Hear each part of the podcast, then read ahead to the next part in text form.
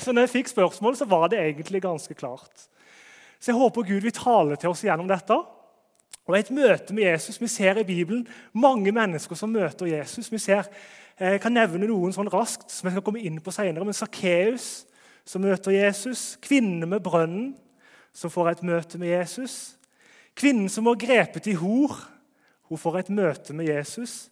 Tollere og syndere det er ikke så mange vi kaller for det i dag, men de som er forakta og utstøtt, de som er utafor, fikk et møte med Jesus. Og Også fariseere og skriftlærde fikk et møte med Jesus, men reaksjonen og hvordan de tok imot Jesus, var forskjellig.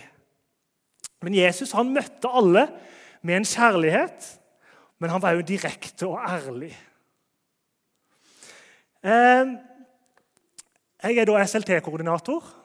Og eh, Jeg var på en konferanse nå på ca. en måned siden som handla om eh, radikalisering og voldelig ekstremisme. Mot radikalisering og voldelig ekstremisme. Det er jo viktig å påpeke.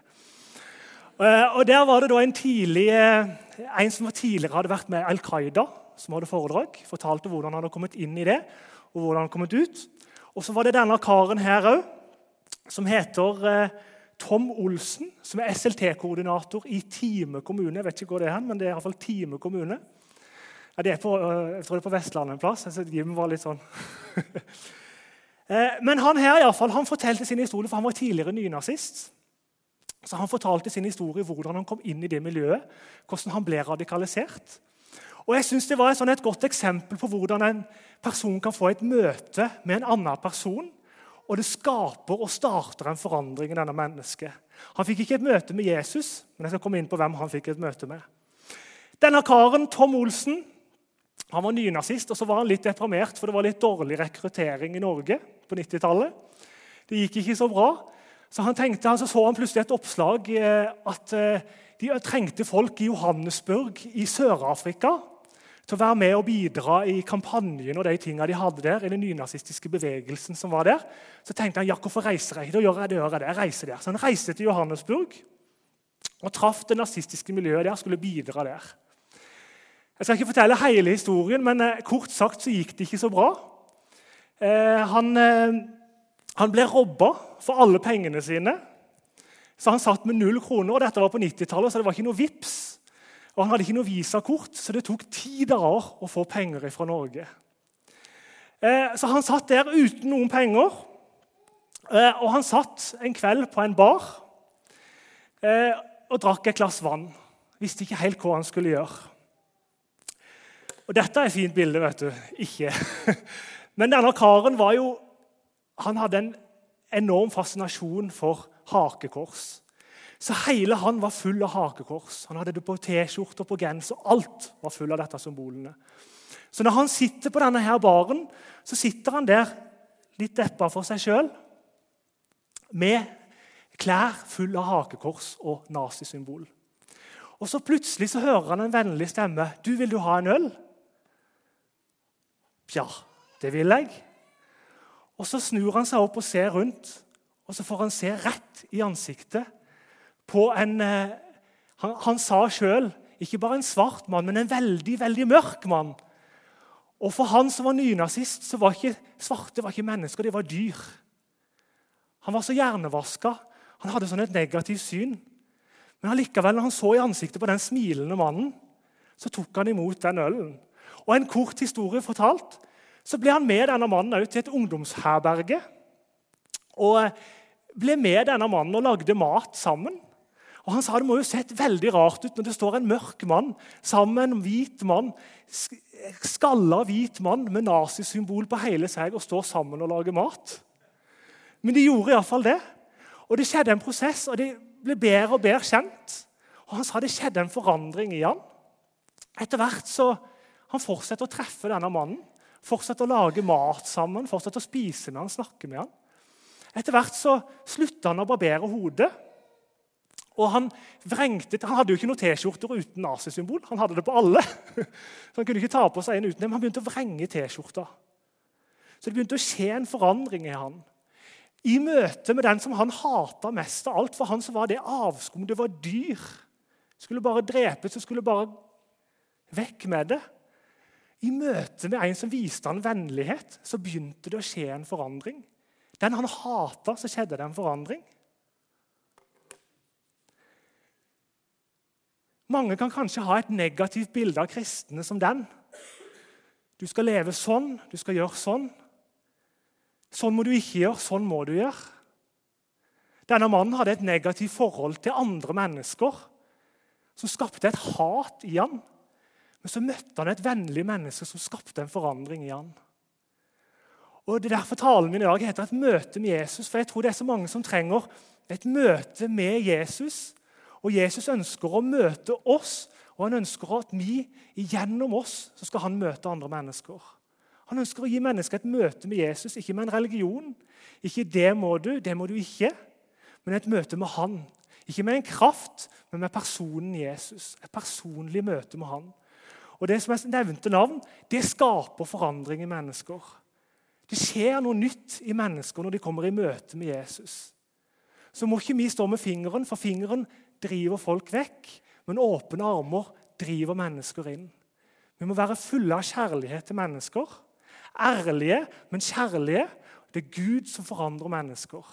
Det er Gud som forandrer mennesker. Det er Gud som helliggjør mennesker. Vi kan ikke helliggjøre noen. Da blir det skinnhellige. Men Jesus han kan helliggjøre. Så mennesker trenger et møte med Jesus. Får han det gjennom oss? Så kom inn på det. Paulus han hata de kristne. Akkurat som den nynazisten hata de svarte, han hata jødene, så hata eh, Paulus de kristne. Han skulle til Damaskus. Jeg kjenner historien til Damaskus for å arrestere de kristne. Han hadde stått og holdt kappene til de som steina Stefanus. Han hata de kristne, han forfølgte de kristne. Og Så ser du det fantastiske bildet. Det er fra The Bible-serien. Den ligger på Netflix. Fantastisk serie. På veien til Damaskus for å arrestere de kristne så står det blindet av et plutselig syn falt han til jorden, og han hørte en røst som sa til ham, 'Saul, Saul, hvorfor forfølger du meg?' Saul sa, 'Hvem er du, Herre?' Stemmen svarte, 'Jeg er Jesus, han som du forfølger.' Her ser vi et eksempel i Bibelen, om et menneske som hater, kristen, nei, hata Jesu etterfølgere. Hater de kristne. Men i møte med Jesus sjøl skjedde det en total forvandling i hans liv.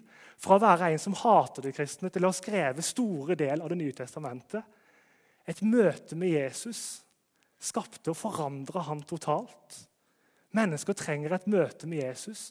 Vi trenger et møte med Jesus. Daglig trenger vi et møte med Jesus. Vi er avhengige av Jesus. Vi trenger å være avhengige av ham.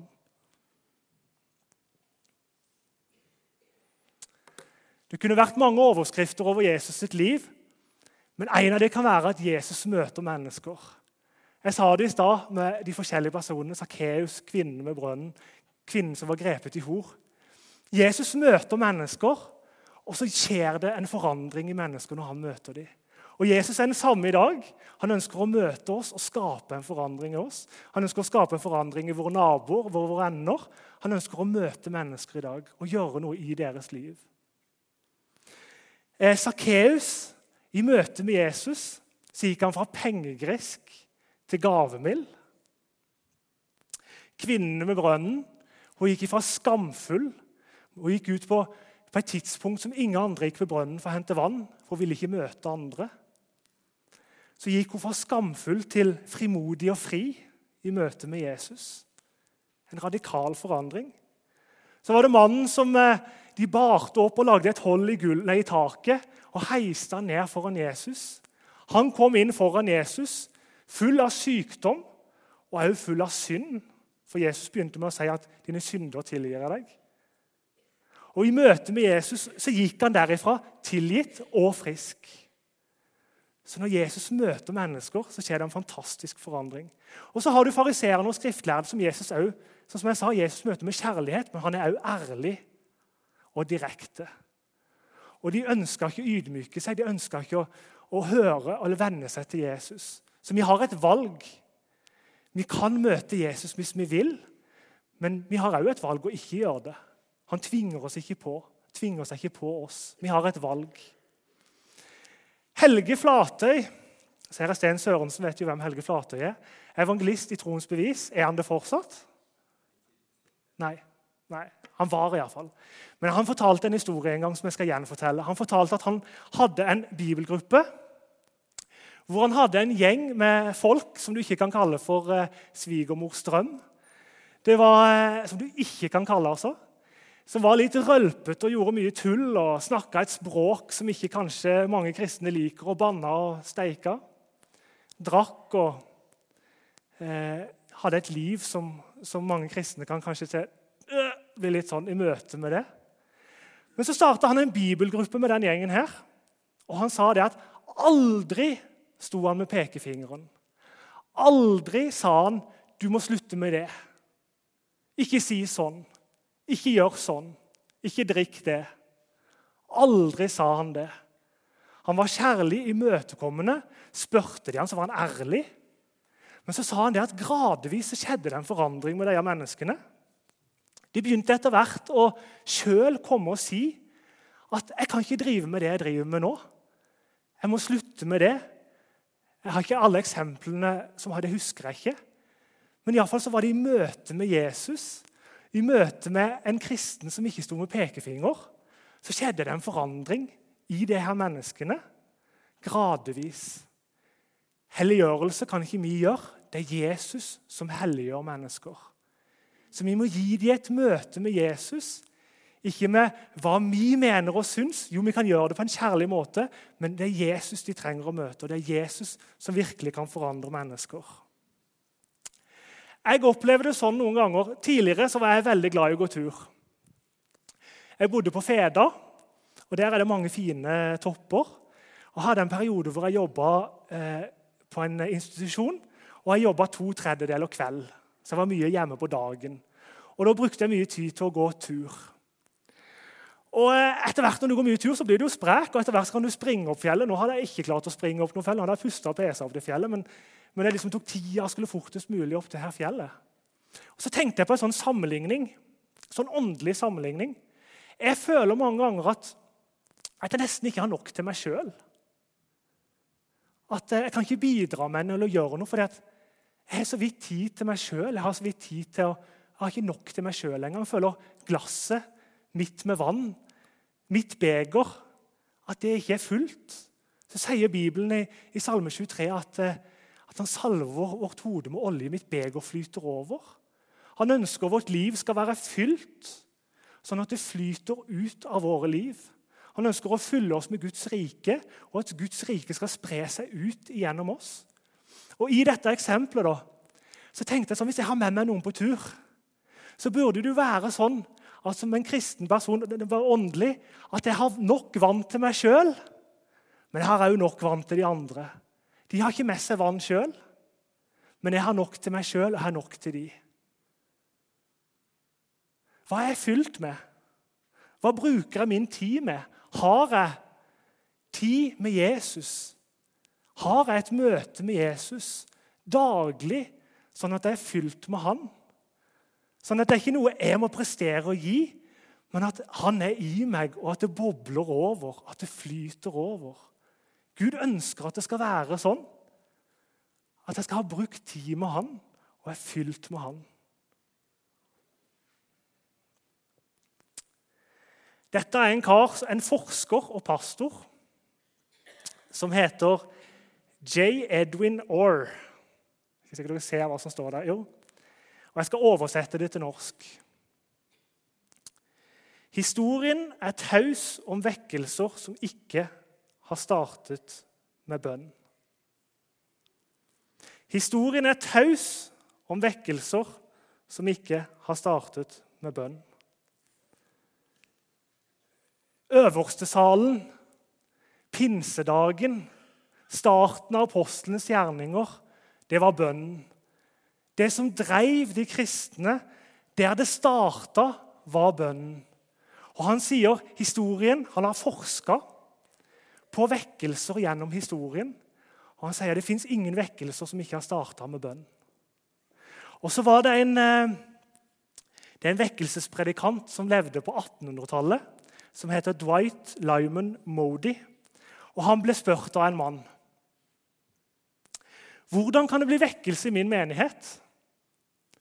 Og Da sa denne her Modi ta Bibelen din og et kritt, og så går du inn på et rom for deg sjøl. Hæ? Nå skjønner jeg ingenting. Så sa han, Når du går inn på det rommet, så går du ned på dine kne og så tegner du en sirkel rundt deg sjøl. Og så ber du til Gud om at han skal fornye alt på innsida av den sirkelen. Han sa når du er på kne, tegn en sirkel rundt deg sjøl og be Gud om å fornye alt som er på innsida av den sirkelen. Vekkelse er svaret på bønnen, og det begynner med deg sjøl. Vekkelse er svaret på bønn, og det begynner med deg sjøl. Dette er en bok jeg var på, hjalp Ole Georg. Han hørte han ropte baki her. så han, han eh, hjalp han å bære inn en sofa på gjenbruken. Og På vei ut så lagde jeg en kasse, og så fikk jeg øye på den boka. Så han sa den må jeg kjøpe. Eh, 'Bønn nøkkelen til vekkelse' var sånn boka fant meg, og jeg fant ikke boka. Og Det er Paul Jong Ji-shu, som er pastor for verdens største menighet, som skrev denne i, i 84, eh, to år før jeg ble født. Fantastisk. Han forteller om en menighet som vokste med 12 000 medlemmer i måneden. Han forteller om vekkelse, som er starten på det. Og Han skriver en ganske radikalt sitat her. Og Nå leser jeg det ut. Det er ikke mine ord, det er hans ord, men jeg er enig i dem. En av de største løgnene fra Satan er at vi ikke har nok tid til å be. Underlig nok har vi alle tid til å sove, spise og puste. Så snart vi oppdager at bønn er like viktig som det å sove, spise og puste, vil vi bli forbauset over hvor mye tid vi har til rådighet til å be. Altså, en av de største løgnene til Satan er at 'jeg har ikke tid til å be'. Det er så viktig å påpeke, for dette taler, jeg taler like mye til meg sjøl. Sånn jeg taler, taler til dere så jeg er perfekt. Langt ifra. Men jeg har en lengsel etter det å søke inn i bønn. For det er der du får et møte med Jesus. Det er der en blir fylt opp av en fred som denne verden ikke har, en glede som ikke denne verden har. Som er uavhengig av hvor mye det stormer rundt oss. Så er det en objektiv fred. Verden gir en subjektiv fred som forandrer seg og varierer. Men Jesus sin er objektiv. Så han er løsninga på de problemene vi står i. Han ønsker å fylle oss med kraft og styrke og fylle oss sånn at det flyter over. Svaret på vekkelse er bønn. Og det begynner med oss sjøl. Det begynner med hver enkelt som søker, Gud, eh, søker inn foran Gud.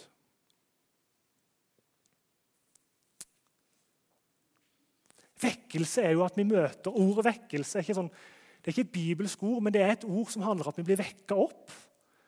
Og jeg tror Satan ofte ønsker å legge slør på øynene våre, sånn at prioriteringene våre blir feil. Søk først Guds rike og hans rettferdighet, skal du få alt det andre i tillegg. står det i Matteus 6,33. Søk først Guds rike og hans rettferdighet. Han har sagt det og gitt oss nøkler til det som kan gi oss kraft i livet. Allikevel så er det mange ganger jeg kjenner sjøl at allikevel så tar jeg ikke tid til det. Jeg prioriterer det ikke. Men Gud har en enorm lengsel etter å tilbringe tid med oss. Gi oss et møte med Han som vi kan gi, han, gi, eh, gi andre et møte med Han. Dette er en sang av to damer i Indremisjonen. Jeg skal bare lese den. Et møte med Jesus forandrer alt. Gi glød til det hjertet som var kaldt. Den sorgfulle gledes, den svake får kraft. Og gi meg et møte med Jesus. Vi trenger et møte med Jesus hver dag å bli fylt av Han og være fylt av Han. Der ligger løsninga på at vi skal være en forandring inn i denne verden. Være lys og være salt i denne verden. Ikke i vår kraft, men i hans kraft. Og vi kan få lov til å komme og ta gratis. Gratis så mye vi vil. Utømmelig kilde. Utømmelig kilde til kraft, til fred, til glede, til oppmuntring, utømmelig kilde.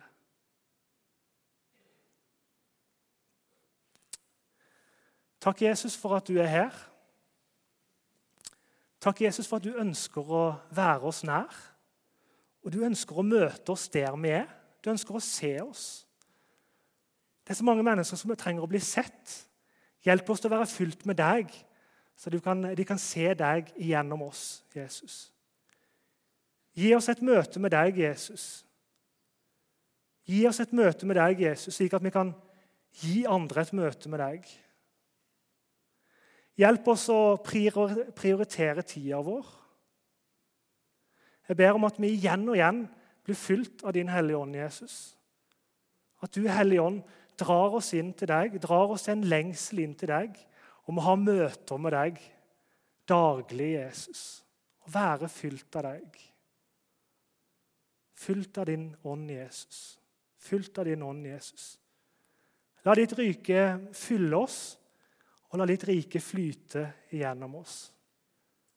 Jeg takker deg for du er god, og jeg takker deg for at du ønsker å bo i oss med den samme kraft som vekte Jesus opp fra de døde. Samme kraft som skapte jorda, ønsker du å bo i oss med. Og du har utvalgt oss til å være vitner om deg, Jesus. Jeg takker deg i Jesu navn.